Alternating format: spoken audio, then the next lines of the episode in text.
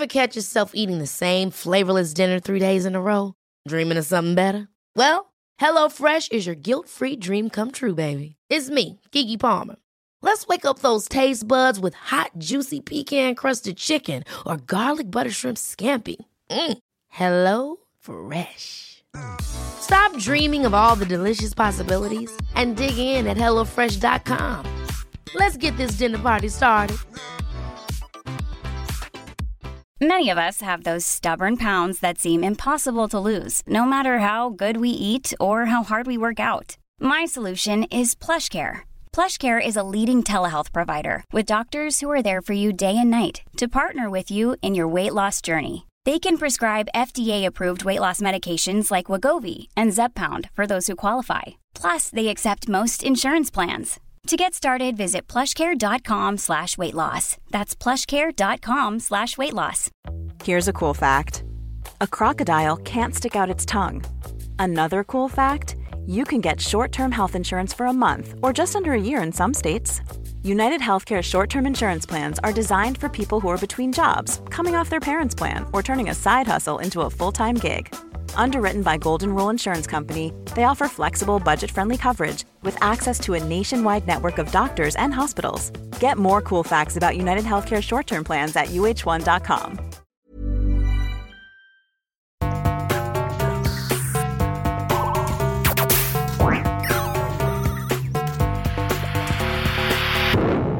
Velkommen til Sinnsyn. Jeg heter Sondre Risom Livre, er psykolog, og dette er Webpsykologens podkast. Hverdagspsykologi for fagfolk og folk flest.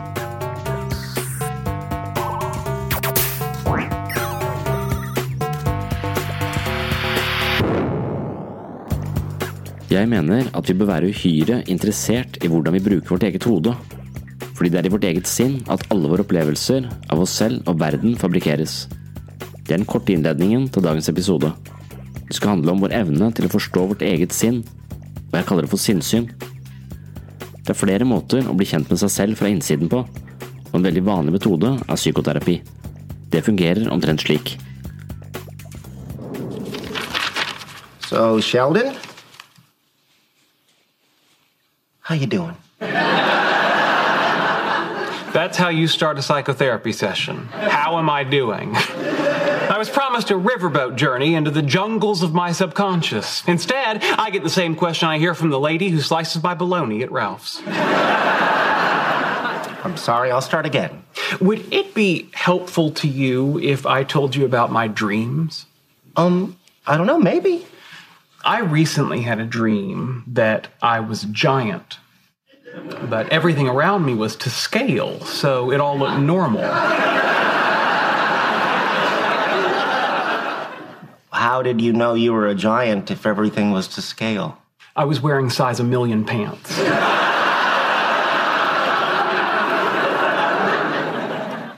Why don't we just talk? Ah, the talking cure, classical Freudian, good choice. If it will help speed things along, uh, my answers to the standard Rorschach ink blot test are A, a bat, B, a bat, C, a bat, and D, my father killing my mother with a hypodermic needle. Why don't I just start?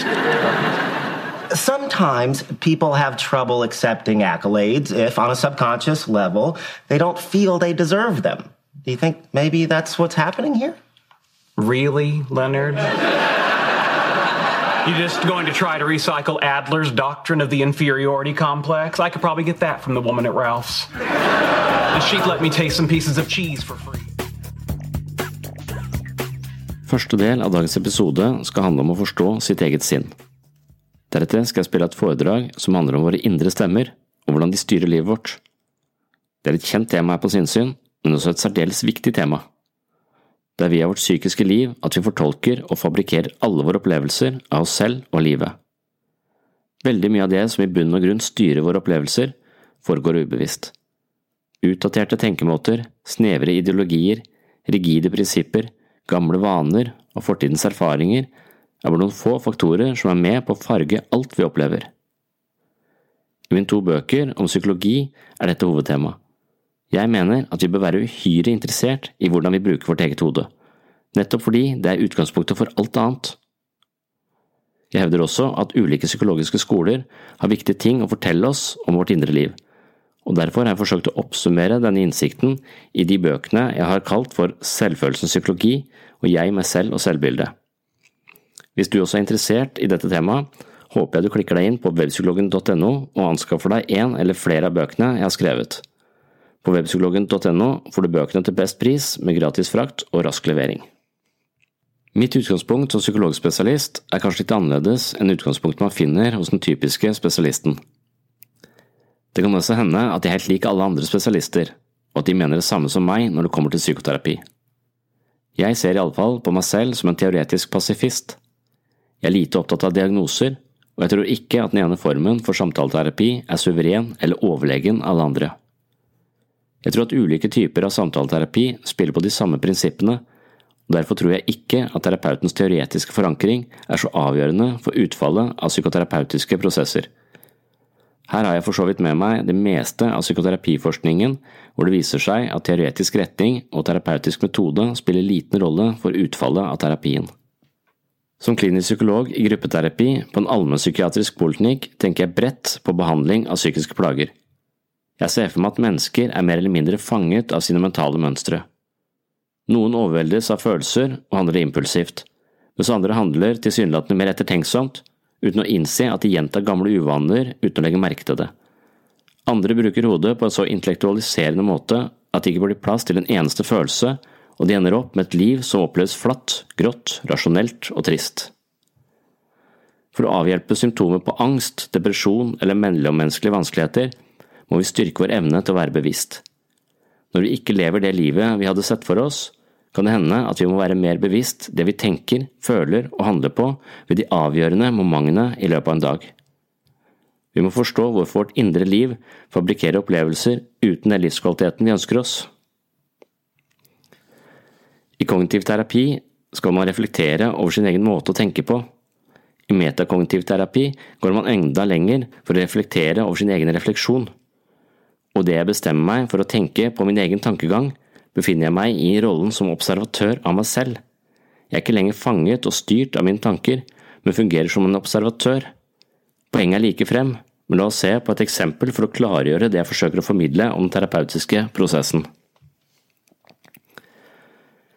Dersom vi skal forstå dynamikken i en maurtue, som ved første øyekast virker ganske kaotisk, må vi observere mauren i aksjon over lengre tid. Langsomt begynner vi å se ulike mønstre og innser at maur har ulike oppgaver og samarbeider etter visse retningslinjer. På samme måte som maurforskeren utleder systemer i tilsynelatende kaos, må vi som mennesker utlede vårt eget sinn. Dette er essensen av de psykotekniske elementene i terapi og de er de samme på tvers av de største psykologiske skolene. I retningen som kalles affektbevissthet, handler det om å gjøre sine egne følelser til gjenstand for analyse, mens i dynamisk psykoterapi undersøker man hvordan tidligere erfaringer er toneangivende for hvordan vi tenker, føler og handler i nye situasjoner. Det handler om å vende blikket innover i seg selv, og de ulike psykologiske skolene skiller seg ved hva de fokuserer på av bevegelser i sinnet. Det finnes mange terapeutiske skoler med ulike innfallsvinkler til psykoterapi, men alle sammen handler om ulike varianter av å se innover i seg selv. I tidsskriftet som heter Neuropsychoanalysis jobber man med å koble forskning på hjernen og samtaleterapi. Hva skjer i hjernen til et menneske som gjennomgår vellykket psykoterapi? Svaret er komplekst, men den enkle varianten forteller oss at psykoterapi i ulike fasonger gir mennesker høyere aktivitet i prefrontal cortex. Det vil si at den delen av hjernen som muliggjør introspeksjon, regulerer følelser og fungerer som en oppsynsmann for hele hjernefabrikken, har blitt styrket. Den samme effekten ser man hos mennesker som har meditert lenge. Det vil si at evnen til selvobservasjon gir oss mer kontroll og flere muligheter til å handle i tråd med vel valgte prinsipper, snarere enn å fanges av impulser eller gjenta gamle mønster. Man styrker den delen av hjernen som gir oss slike muligheter, og forskning viser oss at både meditasjon og innsiktsorienterte terapiformer har denne effekten på folk. I et slikt nevropsykologisk perspektiv kan man si at terapi handler om å trene mentale muskler. En plutselig innsikt i deg selv vil ikke nødvendigvis forandre deg som person over natten, men mer bevissthet om vårt eget indre liv styrker de mentale evnene vi trenger for å leve i harmoni og mental balanse. Jeg tilbringer som sagt min arbeidshverdag i gruppeterapi. Dette er nok en terapiform som baserer seg på de samme overordnede prinsippene som vi har beskrevet hittil, men fokuset er litt annerledes. Jeg jobber ut ifra et eh, metateoretisk rammeverk som kalles mentalisering, og målet i terapien er å øke deltakerens evne til å se seg selv og sitt eget sinn utenfra, men også styrke deres evne til å forstå andres mennesker innenfra. Jeg tilbringer som sagt min arbeidshverdag i gruppeterapi. Dette er nok en terapiform som baserer seg på de samme overordnede prinsippene som jeg har beskrevet hittil, men fokuset er kanskje litt annerledes.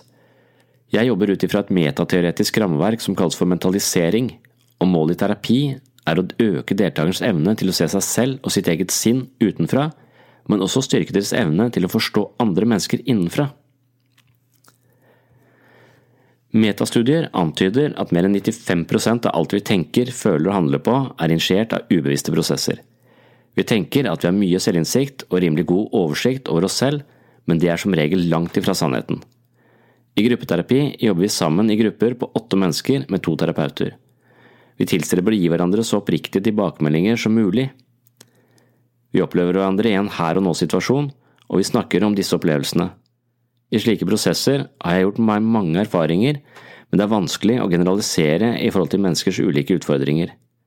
Blant annet har jeg lagt merke til at mennesker som stiller veldig høye krav til seg selv, ofte har en tendens til å anstifte en viss prestasjonsangst i andre. Mennesker påvirker hverandre på subtile måter, og en del av målet i psykoterapi er å tilegne seg mer innsikt i hvordan vi påvirker våre relasjoner, og hvordan de påvirker oss. Mange av menneskene som søker hjelp i gruppeterapi, opplever at deres problemer har utspring i relasjon til andre. Jeg vil også nevne at selvinnsikt kun er en liten del av utbyttet man kan oppleve i samtaleterapi. Mange andre faktorer spiller inn på at mennesker får det bedre med seg selv etter terapi. Blant annet er en god relasjon til terapeuten en avgjørende faktor. Følelsen av å bli forstått, respektert og lyttet til kan være viktig for mange. I gruppeterapi innser også mange at de ikke er så annerledes enn andre. De oppdager at det de tenker, føler og sliter med, ofte er noe som andre har i tilsvarende utstrekning. Det gir en følelse av å ikke være så syk, og det gir en opplevelse av fellesmenneskelighet som viser seg å være særdeles kurativ. Vil du vite mer om gruppepsykoterapi, så har jeg laget en egen side som tar for seg denne behandlingsformen. Denne siden finner du på gruppeterapi.info. Mye psykologisk teori vil altså foreslå at den vi er i dag, er betinget av erfaringer fra oppveksten. Psykologer er spesielt opptatt av menneskers tidligste leveår, og her er utviklingspsykologien full av interessante teorier som kan kaste lys over forholdet mellom fortiden, nåtiden og vårt potensial inn i fremtiden. Nå skal vi gå til et foredrag hvor jeg snakker om utviklingspsykologi i forhold til vår selvfølelse, selvforståelse og de indre stemmene som snakker til oss døgnet rundt, enten vi lytter til dem eller ikke. Dessverre er det slik at de fleste mennesker har en sterk selvkritisk stemme som hindrer dem i å nå sitt ypperste potensial. Og for at vi ikke skal bli hemmet av slike stemmer, må vi forstå dem og deretter avsløre dem. Det blir en del av tematikken i foredraget du nå skal få høre. Og alle erfaringene er med på, det, det, skriver seg inn i oss, det ligger et eller annet sted. Eh, men som Freud påpeker, veldig mye av det er da ubevisst, og vi kan ikke, eh, eh, vi kan ikke se det. Og vi legger ikke merke til det heller når vi omgås i det, i det daglige. Og hvis du da har noen sånne tendenser som, som, er negative for deg, så, så vil det være å gjøre det ubevisste bevisst som er endringen, eller begynne med narkotika, som også vil fungere. Neste, eh, neste personen er eh, Daniel Stern. Mm.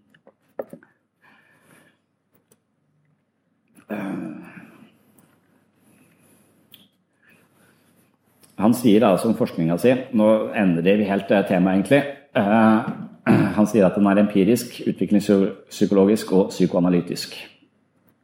Eh, og Det som skjer nå, eh, fra overgangen til, eh, fra, fra Freud og postfreudianerne, disse objektrelasjonsteoretikerne, Heinz Koht osv., selvpsykologene, er at vi kommer inn på et tidspunkt hvor, hvor, vi får en type teknologi som kan hjelpe oss til å forstå barnet. Så, mens Freud bare lagde teorier om Ødipus-komplekser osv., så, videre, så manglet han empiri. Han manglet liksom data på de tingene han sa. Det er derfor vi, og han mente at det var mulig å fremskaffe, men ikke på hans tid, og det hadde han jo litt rett. Men sånn som i dag, så er vi inne på da å prøve å bevise Freud, som er dette tidsskriftet som heter Neuropsychoanalysis, hvor man ser liksom forholdet mellom det empiriske barnet og det observerte eh, barnet. Det Daniel Stern også er opptatt av, er også på en måte forske på barns eh, eh, atferd og, ferdigheter, og koble det til de psykoanalytiske ideene om hvordan de utvikles. Så vi har noen teorier om hvordan barn utvikles, og så kan vi også understøtte noe av det med empiri. Empiri betyr også det at vi eh, går øverst til høyre i, i, i kvadrantene og, og, tester ting, eh, veier ting og ser hvordan, eh, hvordan ting fungerer. Og da, da kan man f.eks. finne ut av på hvilket tidspunkt kjenner barn igjen moren. Hvordan vet vi det? Jo, vi kan ta en, en liten klut med, som vi fukter med morsmelk og så kan vi legge eh, morsmelk fra mor på den ene siden og morsmelk fra en annen på den andre siden, eller bare en klut på den andre siden, så kan vi se hvilken eh, vei barnet snur hodet. Og Da ser man fra et veldig tidlig tidspunkt at barnet hele tiden trekkes imot eh, morsmelk fra, eh, fra, mor. Så det at barnet kan kjenne igjen sin egen mor på lukt på et veldig veldig tidlig tidspunkt. Så begynner man å lage masse sånne eksperimenter, så, så man kan, kan, vite mer om eh, hva slags preferanser og hva slags kompetanse barn har på et, på et tidlig tidspunkt. For vi kan ikke spørre dem, for de sier jo ingenting. Ehm, ja. Og så får vi også eh, videoopptak, eh, som gjør at vi også kan eh, se på denne speilingsprosessen på en mye mer sånn nyansert måte. Vi kan se på hvordan mor og barn lager like ansiktsuttrykk, hvordan de møter hverandre, og se på noe av kvaliteten i relasjonen mellom foreldre og barn, far og barn, mor og barn osv. Eh, så den største oppfinnelsen i forhold til det å forstå uh, små barn, egentlig uh, ja, video, det å kunne filme uh, det lille barnet i samspillet med foreldrene, det kalles Marte-Meo-metoden. eller i hvert fall inkludert i det som heter Marte-Meo-metoden. Og den har hjulpet veldig mange foreldre til å bli bedre foreldre. For det å gjøre det ubevisste bevisst, det blir veldig synlig når det kommer på, på et video. så så de, når jeg jobba i ABUP og, og, jobbet som de som jobber med Marte Meo, så, så jobber de med spedbarn. Men de jobber da selvfølgelig med foreldre sammen med spedbarn. Eh, så de filmer samspillet, og så ser de på samspillet og sier at ser du nå, ser du ditt ansiktsuttrykk, nå her tenker du på noe helt annet. Du er ikke til stede i det hele tatt. Kan du se det? Ja, jeg kan se det. Jeg er så stressa, jeg orker ikke å tenke på det. Her må du, eh, må du prøve å legge deg ned, du må møte blikket til barnet ditt på en annen måte. og Så kan vi trene rent konkret. Du kan se deg selv utenfra. Det kalles også Biofeedback er et annet system som, som, tar pulsen din og gir deg masse sånn fysiologisk informasjon om hva som skjer i ulike settinger. Så kan du forstå deg selv og dine egne reaksjoner eh, på en mye mer nyansert måte, og så veldig sånn kroppslig eh, eh måte. Eh, så videoopptaket har gjort veldig mye for foreldre som har hatt selv hatt dårlig tilknytning til sine foreldre, blitt speilet veldig lite, eh, og dermed har et litt dårlig utgangspunkt for å, å, klare å møte sine barn eh, på en god nok måte. Men med en gang du får det eh, opp på, på videospilleren, du kan trykke på pause fra hvert eneste sekund, så ser du hvordan ansiktet ditt forandrer seg i forhold til ansiktet til barnet, og så kan du rent fysisk lære hvordan du skal møte dette, dette barnet. og det har, det har gjort underverker for relasjonen mellom små barn og, og, og foreldre som har hatt et litt dårlig utgangspunkt for, eh, for nettopp den prosessen der. sånn. Ja.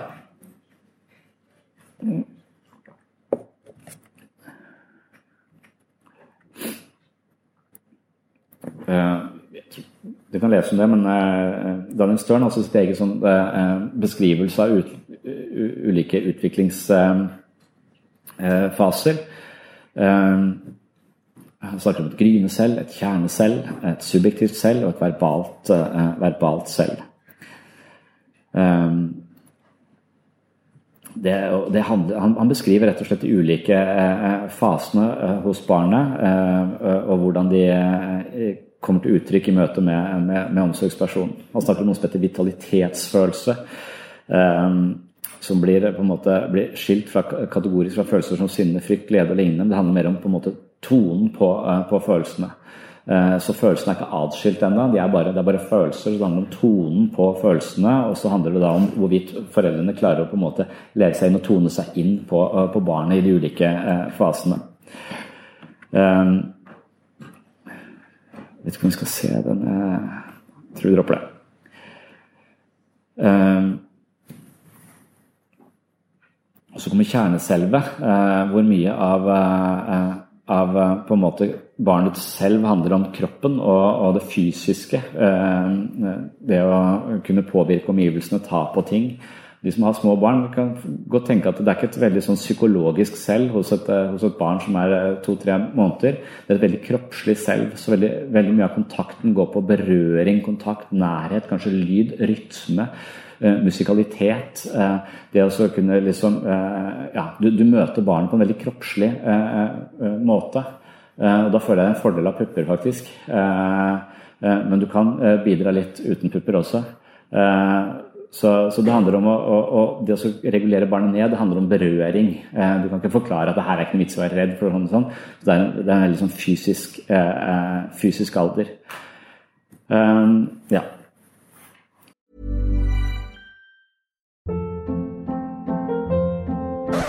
Hold up. What was that? Boring. No flavor. That was as bad as those leftovers you ate all week. Kiki Palmer here, and it's time to say hello to something fresh and guilt-free. Hello Fresh. Jazz up dinner with pecan-crusted chicken or garlic butter shrimp scampi. Now that's music to my mouth. Hello Fresh. Let's get this dinner party started. Discover all the delicious possibilities at hellofresh.com. Quality sleep is essential. That's why the Sleep Number Smart Bed is designed for your ever evolving sleep needs. Need a bed that's firmer or softer on either side? Helps you sleep at a comfortable temperature? Sleep Number Smart Beds let you individualize your comfort so you sleep better together. JD Power ranks Sleep Number number 1 in customer satisfaction with mattresses purchased in-store. And now, save 50% on the Sleep Number limited edition Smart Bed for a limited time. For JD Power 2023 award information, visit jdpower.com/awards. Only at a Sleep Number store or sleepnumber.com. Life is full of what ifs. Some awesome, like what if AI could fold your laundry? And some well, less awesome, like what if you have unexpected medical costs? United Healthcare can help get you covered with Health Protector Guard fixed indemnity insurance plans they supplement your primary plan to help you manage out of pocket costs. No deductibles, no enrollment periods, and especially no more what ifs. Visit uh1.com to find the Health Protector Guard plan for you.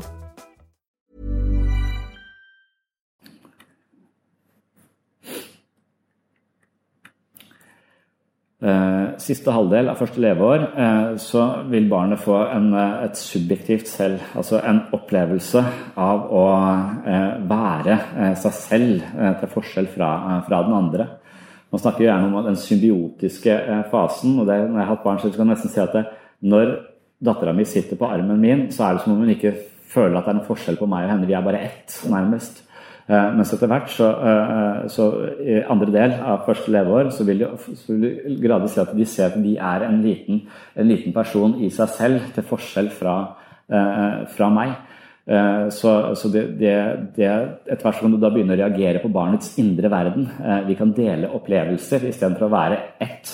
Eh, så kan vi oppleve noe sammen. Og det som skjer er at De begynner å peke på ting, og så kan jeg se ting. Og så kan ja, se på den, så kan vi smile, så kan hun smile. Og så har vi en sånn det kalles joint attention. Vi, eh, vi, ser på noe sammen, vi får en felles opplevelse. Hun kan se at det, jeg ser hva hun ler av, og, og, hun ler av det, og jeg ler av det. Og vi er to mennesker som opplever eh, eh, det samme. Hun kan også gjøre seg til. Hun gjør ting som hun vet at det eh, påkaller min glede, eller at jeg syns det er morsomt. altså At jeg eh, ser på, eh, på meg, nå, nå, gjør jeg sånn. Så det er tydelig at, hun, at det gradvis utvikler en følelse av å være noe. Et separat selv. Et subjektivt selv. Eh, sosial referering kalles det her. Ja, eh, det å tone seg inn. og det her, Joint attention kalles det vel på engelsk. Eh, kunne, ja. Det er mye, mye, å lese om disse. Så kommer det verbale selve. Eh, langsomt så klarer de ikke bare å eh, ta på ting og føle på ting, de klarer også å uttrykke seg, eh, seg språklig. Så de klarer å, å, å gi verden språk og binde det til en slags forståelse sånn sett. og da, da er det dette, denne dette man kan tenke på, det, det verbale selve. Da, da kler vi verden i et, uh, i et språk. på en måte, da, da, skjer det ganske mye. Det er, ganske, uh, det er ganske dramatisk, egentlig. Det er ganske vilt at vi kan, at vi kan det. Det er vel vi ganske alene om. Vi er i hvert fall alene om å ha et såpass sofistikert språk. Da. Og språket binder, binder og åpner verden for oss på samme tid. Jeg vet ikke om så mye på det, men er, hvis man begynner å tenke litt på språket, så er det ganske, ganske vilt. Det står jo også i Bibelen at i begynnelsen var ordet, ordet var Gud. Og så det er et eller annet med dette ordet som er ganske, eh, ganske fascinerende. Det betyr jo at det, ved, ved, å Gjennom språket så kan jeg få folk til å forestille seg hvordan det er å være i Paris uten at de har vært i Paris. Så vi kan bygge hele fantasiverdener på, på språk. Vi kan konstruere hele parallelle virkeligheter eh, gjennom, eh, gjennom språket. Uh, og det er litt sånn jeg tenker på behandling også, at det handler om å gi ting språk. Alt det som ikke har språk, det er bare kropp.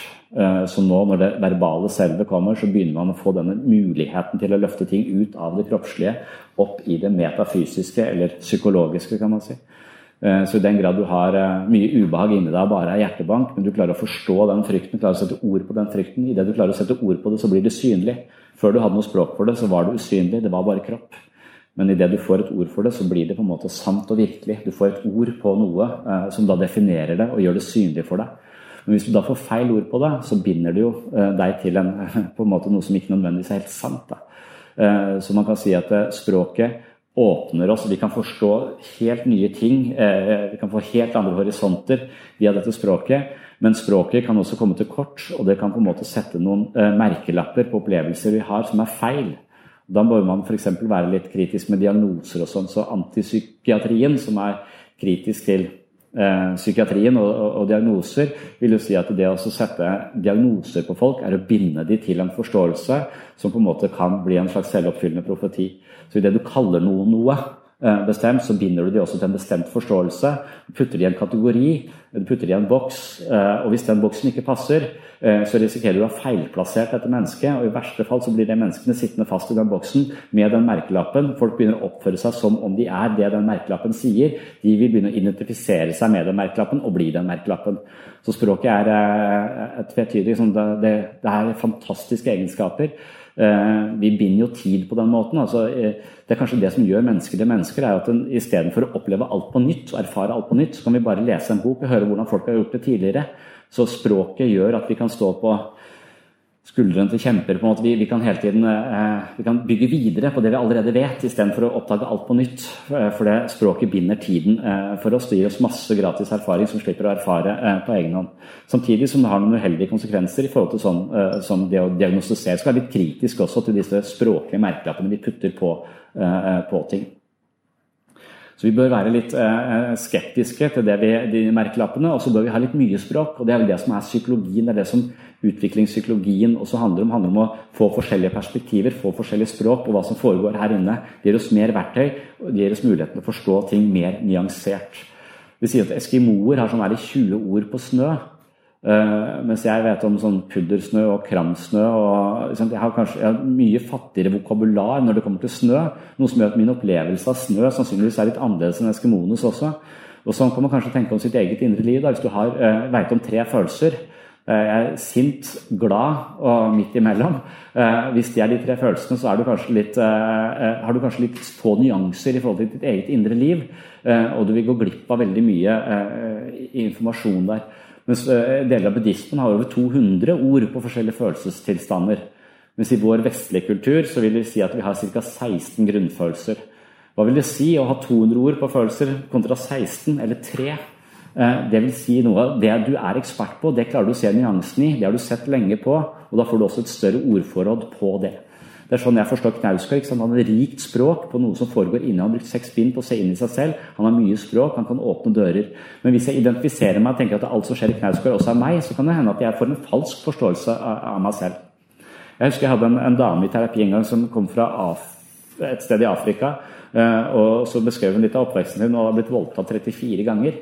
Uh, og I min uh, forståelse av det å bli voldtatt 34 ganger, så er du liksom beyond metoo-kampanjen. Liksom, uh, da, da, har du så mye posttraumatisk stresslidelse i deg at det er et under at du kan stå på to bein. og Når det er min forståelse av, det, av, dette, her, så blir det det jeg driver og messer om. Jeg gir henne en, en merkelapp, jeg gir henne en forståelse, jeg gir henne min forståelse av dette her.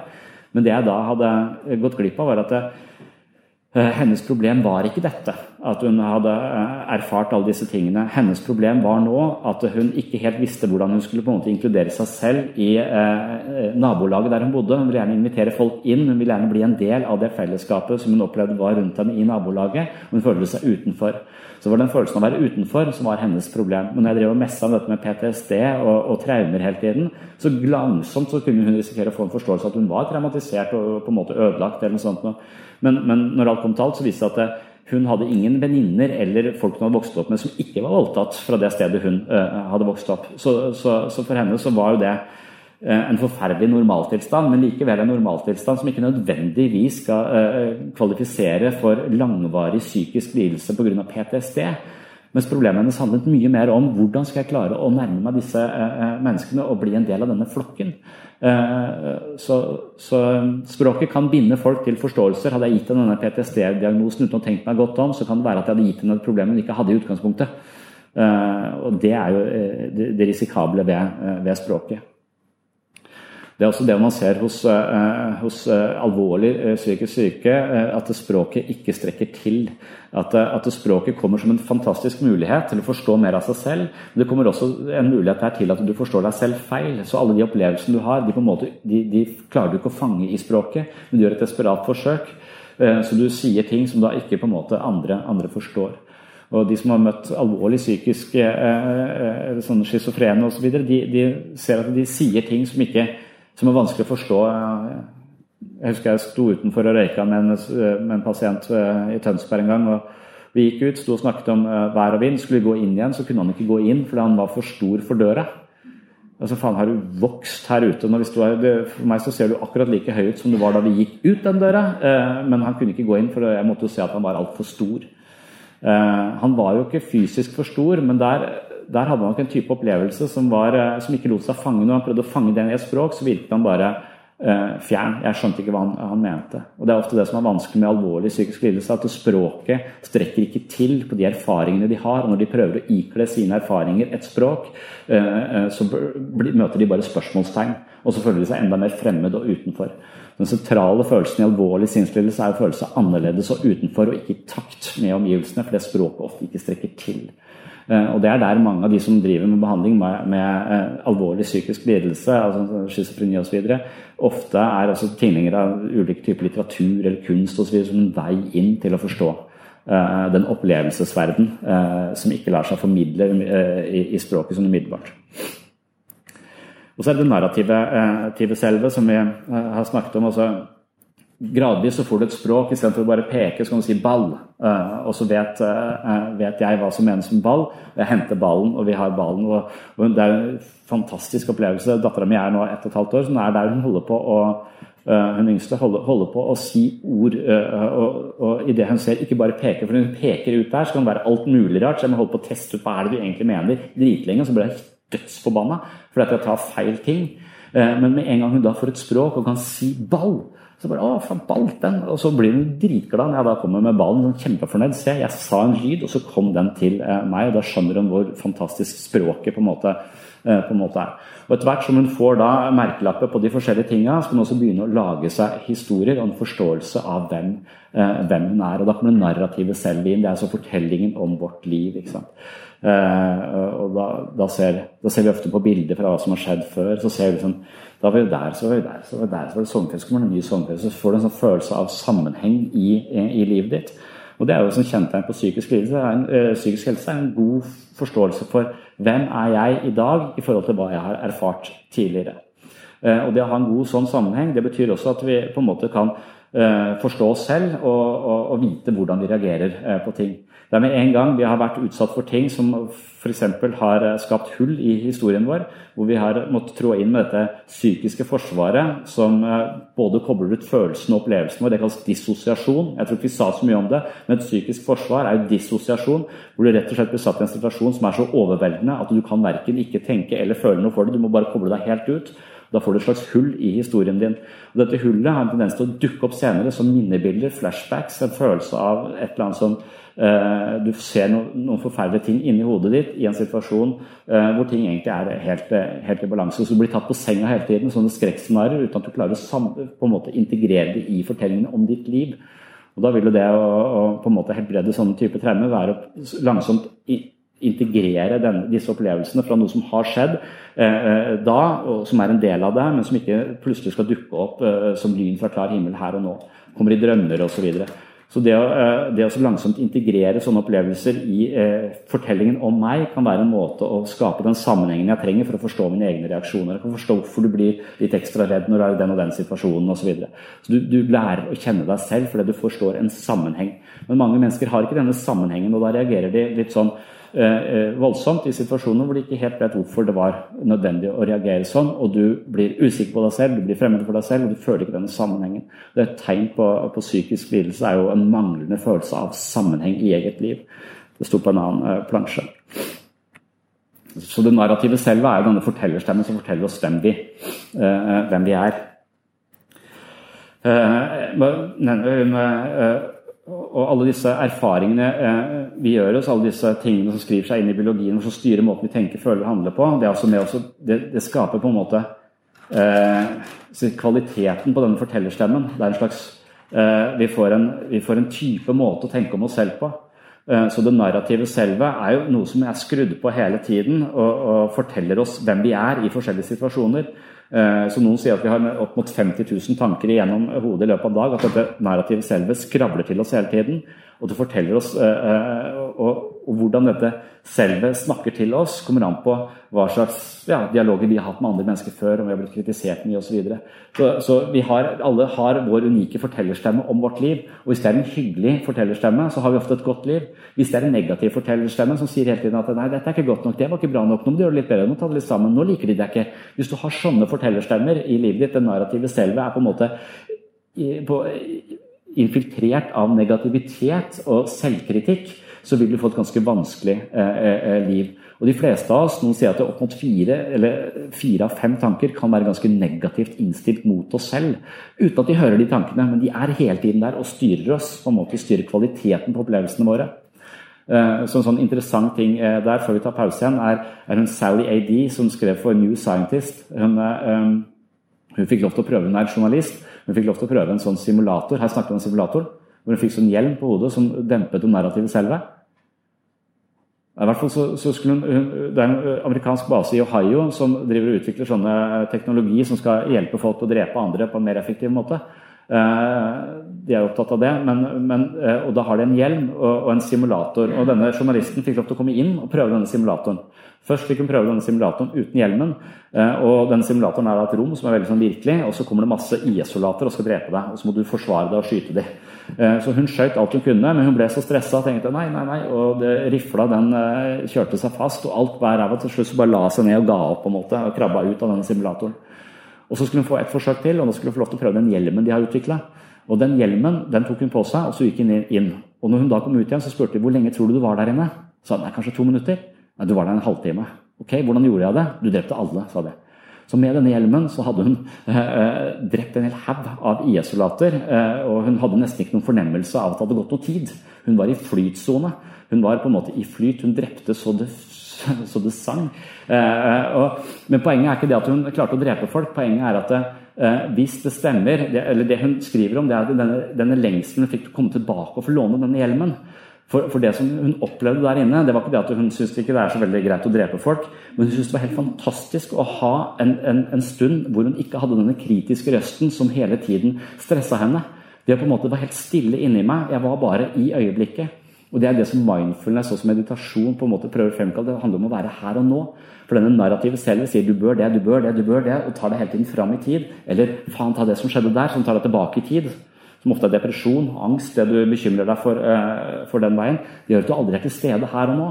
Så det å lære seg å meditere handler jo om å ikke lytte så mye til dette narrativet selv som hele tiden skal ha deg videre eller vekk, eller kritisere alt det som foregår. Og Da kan du være mer til stede. Og Det er det som mennesker kaller flyt, eller som han er Mihai Senchikmihai kaller flytsone. Og Det å være i flyt, da står tiden litt stille, og det er på en måte oppslukt i det du gjør, uten at dette narrativet selv får lov til å forstyrre deg hele tiden. Og Da er du mye mer effektiv i det du driver med. Så når vi har dette narrativet selve, som utvikles eh, allerede fra tre års alder, som vi ser hos Daniel Stern, så er det veldig viktig hva slags erfaring vi gjør oss. For det, det, på en måte, det skaper hele tonen. Det, det, blir toneangivende for hvordan vi kommer til å tenke om oss selv. Uh, og veldig mange av oss har et litt for negativt narrativ selv, som stresser oss i situasjoner som gjør at vi egentlig ikke yter optimalt, fordi vi hele tiden har den kritiske uh, røsten. Uh, og Da kan du være, gjøre det bevisst. Du kan se hvor du har disse stemmene fra som hele tiden kritiserer deg. For det er ikke noe objektivt, det er noe du har erfaring, erfaring på, andre har fortalt deg på en eller annen måte. Eller, og det handler om å gå i terapi, det handler om å gjøre det ubevisst bevisst. Langsom, vanskelig prosess. Ellers kan du bare vente denne hjelmen kommer til salgs på eBay. Uh, det håper jeg på. Men da blir jeg sikkert arbeidsløs også, for hvis folk får den hjelmen, så, så trenger de ikke mer, mer hjelp. men det hadde vært veldig interessant å ha en sånn hjelp. Jeg vet ikke om den funker, det kan være bare kvakksalveri, men hennes, hun er en ganske anerkjent journalist, og bare den ideen om at det, å ha litt mindre støy i hodet til å faktisk konsentrere deg om det du skal, det var en helt fantastisk opplevelse for henne. Og hun bare hadde aldri hatt det så stille inni seg, var sånn hun beskrev det. Det var sikkert gjerne mye bråk rundt, da, for hun drev og drepte folk, men, men likevel den indre still, eh, stillheten. Så Vi bruker mye av voksenlivet vårt på å drive og redigere dette narrativet selv hvis det er negativt lada. Da tar vi en pause.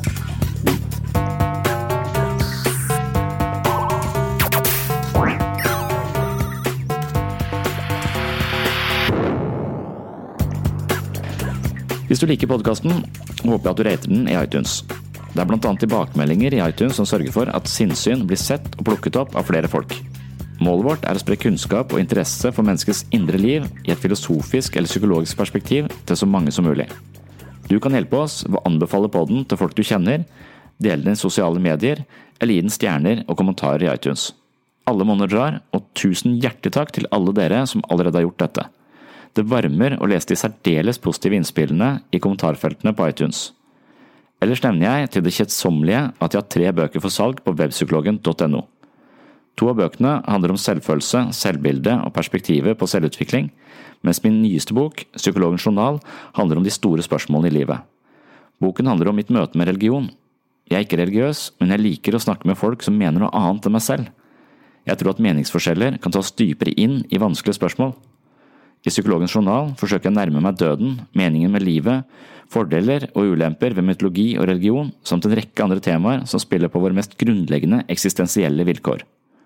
Kjøper du bøkene fra webpsykologen.no, får du dem til best pris, med gratis frakt og rask levering.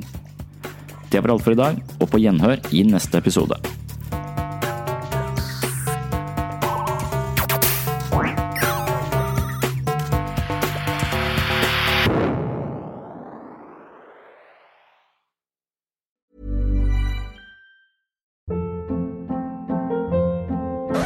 Hold up. What was that? Boring. No flavor. That was as bad as those leftovers you ate all week. Kiki Palmer here, and it's time to say hello to something fresh and guilt-free. Hello Fresh. Jazz up dinner with pecan-crusted chicken or garlic butter shrimp scampi. Now that's music to my mouth. Hello Fresh. Let's get this dinner party started. Discover all the delicious possibilities at hellofresh.com. Even when we're on a budget, we still deserve nice things. Quince is a place to scoop up stunning high-end goods for 50 to 80% less than similar brands. They have buttery soft cashmere sweaters starting at $50, luxurious Italian leather bags, and so much more. Plus, Quince only works with factories that use safe, ethical, and responsible manufacturing. Get the high-end goods you'll love without the high price tag with Quince. Go to quince.com/style for free shipping and 365-day returns. Imagine the softest sheets you've ever felt. Now imagine them getting even softer over time. That's what you'll feel with Bowl and Branch's organic cotton sheets. In a recent customer survey, 96% replied that Bowl and Branch sheets get softer with every wash. Start getting your best night's sleep in these sheets that get softer and softer for years to come. Try their sheets with a 30-night guarantee. Plus, get 15% off your first order at bowlandbranch.com. Code BUTTERY. Exclusions apply. See site for details.